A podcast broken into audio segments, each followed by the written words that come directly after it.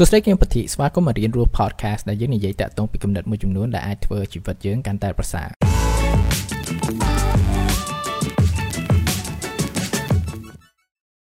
តើពេលវេលាក្នុងជីវិតណាទៅដែលសំខាន់ជាងគេសម្រាប់អ្នកសម្រាប់យើងមួយចំនួនវាអាចជាអតីតកាលប្រហែលជាតាក់ទងនឹង memory មួយតាក់ទងនឹងពេលវេលាមួយដែលថាយើងបានរៀនសុខែឬក៏បានជោគជ័យទៅលើអ្វីមួយសម្រាប់យើងមួយចំនួនទៀតប្រហែលជាពេលអនាគត ដែលនឹងមកដល់វាអាចជាប្រហែលឆ្នាំក្រោយពេលដែលយើងមានលុយគ្រប់គ្រាន់ឬក៏ខ្លាចជាអ្នកមានឬក៏ពេលដែលយើងចូលនិវត្តន៍ឡានឹងឡាចំពោះខ្ញុំតពេលវេលាដែលសំខាន់បំផុតគឺมันស្ថិតនៅក្នុងអតីតកាលហើយក៏มันស្ថិតនៅក្នុងអនាគតដែរពេលវេលាដែលសំខាន់បំផុតគឺពេលបច្ចុប្បន្ននេះហើយព្រោះថាពេលបច្ចុប្បន្នគឺជាពេលមួយគត់ដែលថាយើងកំពុងមានហើយជាពេលសំខាន់បំផុត ព្រោះថាអតីតកាលបានកន្លងផុតហើយយើងអាចផ្លាស់ប្ដូរវាបានទេរីឯពេលអនាគតគឺមិនទាន់មកដល់ហើយយើងក៏អាចមើលឃើញ100%ថាអ្វីនឹងកើតឡើងដែរពីច្រើនគឺថាយើងគិតតាក់ទងពី memory ដែលល្អៗថាអូយកមករំលឹកដើម្បីឲ្យធ្វើឲ្យយើងសប្បាយចិត្តប៉ុន្តែការដែលយើងផ្ដោតខ្លាំងពេកគឺថាយើងយកពេលបច្ចុប្បន្នគឺថាពេលអតីតកាលទោះបីជាវាជា memory មួយដែលល្អក៏វាអាចរៀបរៀងនឹងដែរព្រោះថាការងារយើងក្នុងពេលបច្ចុប្បន្នយើងត្រូវគិតថាតើ មានអ្វីខ្លះដែលថាយើងអាចធ្វើបាននៅក្នុងពេលនេះដើម្បីបង្កើតអតីតការថ្មីដែលកាន់តែល្អជាងនឹងទៀតព្រោះថាយើងអាចមានភាពជោគជ័យមួយចំនួនដែលថាយើងមាននៅពេលអតីតកាលប៉ុន្តែយើងអាចមានភាពជោគជ័យបន្តទៅទៀតដែលកាន់តែធំជាងនឹងទៀតនេះគឺជាការងាររបស់យើងដែលថាយើងអាចធ្វើបានដើម្បីធ្វើឲ្យខ្លួនយើងកាន់តែសប្បាយចិត្តជាងអតីតកាលរបស់យើងទៀតហើយយើងក៏មិនគួរយកពេលវេលាបច្ចុប្បន្នយកមកសោកសៅតាក់ទងពីអតីតកាលដែរព្រោះវាអាចជាមានអ្វីមួយចំនួនដែលកើតឡើងដែលថាបង្កើតជាស្នាម របួសមួយនៅក្នុងចិត្តយើងឬក៏អារម្មណ៍របស់យើងនឹងការដែលយើងគិតទៅវាច្រើនគឺថាទីមួយគឺថាយើងអាចផ្លាស់ប្ដូរវាបានទីពីរគឺថាវានឹងរំខានយើងហើយការដែលយើងមានភាពរំខានតាក់ទងពីអារម្មណ៍ទាំងអស់ហ្នឹងពេលដែលយើងរស់នៅពេលបច្ចុប្បន្នហ្នឹងក៏យើងមិនមានអារម្មណ៍សុបាយចិត្តហើយណាមួយក៏យើងអាចផ្លាស់ប្ដូរក្នុងជីវិតរបស់យើងបានដែរហើយបើយើងគិតមើលតាក់ទងពីអនាគតវិញ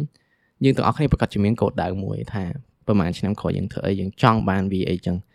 ប៉ុន្តែ គោលដៅទាំងអស់នោះគឺវាអាចកើតឡើងបានបើមិនយើងអត់ធ្វើសកម្មភាពនៅពេលបច្ចុប្បន្នចំពោះខ្ញុំគឺថាអ្នកទស្សទាយអនាគតល្អបំផុតគឺសកម្មភាព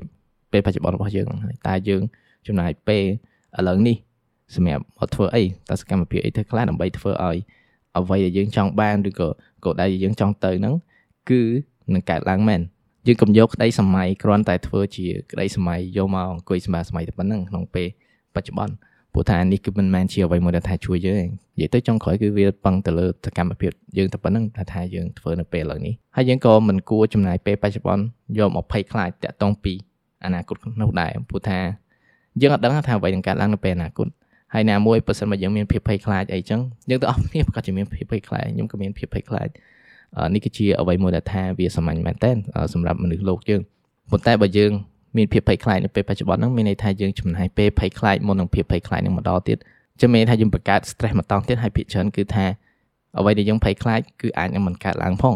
អញ្ចឹងពេលវេលាបើថាវាជាអ្វីមួយដែលថាវា legit មែនវាជាអ្វីមួយដែលថាយើងគួរភ័យខ្លាចមែនយើងអាចចំណាយពេលបច្ចុប្បន្នក្នុងការរួចរាល់សម្រាប់វាការដែលយើងអង្គុយសៅម៉ងភ័យខ្លាចរងចាំវាក៏វាអត់ជួយយើងដែរអញ្ចឹងអ្វីដែលយើងធ្វើបាន គឺធ្វើឲ្យខ្លួនយើងរួចរាល់ បើមិនបើអ្វីដែលយើងភ័យខ្លាចហ្នឹងគឺជាអ្វីដែលថាអាចធ្វើបាបយើងការដែលយើងមានភាពភ័យខ្លាចមុននឹងវាម្ដងហ្នឹងគឺវាធ្វើបាបយើងមកតង់ទៀតបាត់ហើយអញ្ចឹងយើងគួរផ្ដោតអារម្មណ៍ឲ្យខ្លាំងមែនតើតកតងនឹងពេលបច្ចុប្បន្នព្រោះថាវាជាពេលសំខាន់បំផុតហើយវាជាពេលតែមួយគត់ដែលថាយើងមានព្រោះបច្ចុប្បន្នទៅបាត់ហើយអនាគតមិនទាន់ជារបស់យើងហ្នឹងវានឹងខ្លាយជារបស់យើងតទៅវាខ្លាយជាពេលបច្ចុប្បន្នពេលដែលវាមកដល់ហ្នឹង ហើយការដែលយើងផ្ដោតខ្លាំងពេកតាក់ទងពីអតីតកាលនិងអនាគតរបស់យើងយើងបានបោះបង់នៅពេលបច្ចុប្បន្នរបស់យើងនឹងហើយហើយពេលបច្ចុប្បន្ន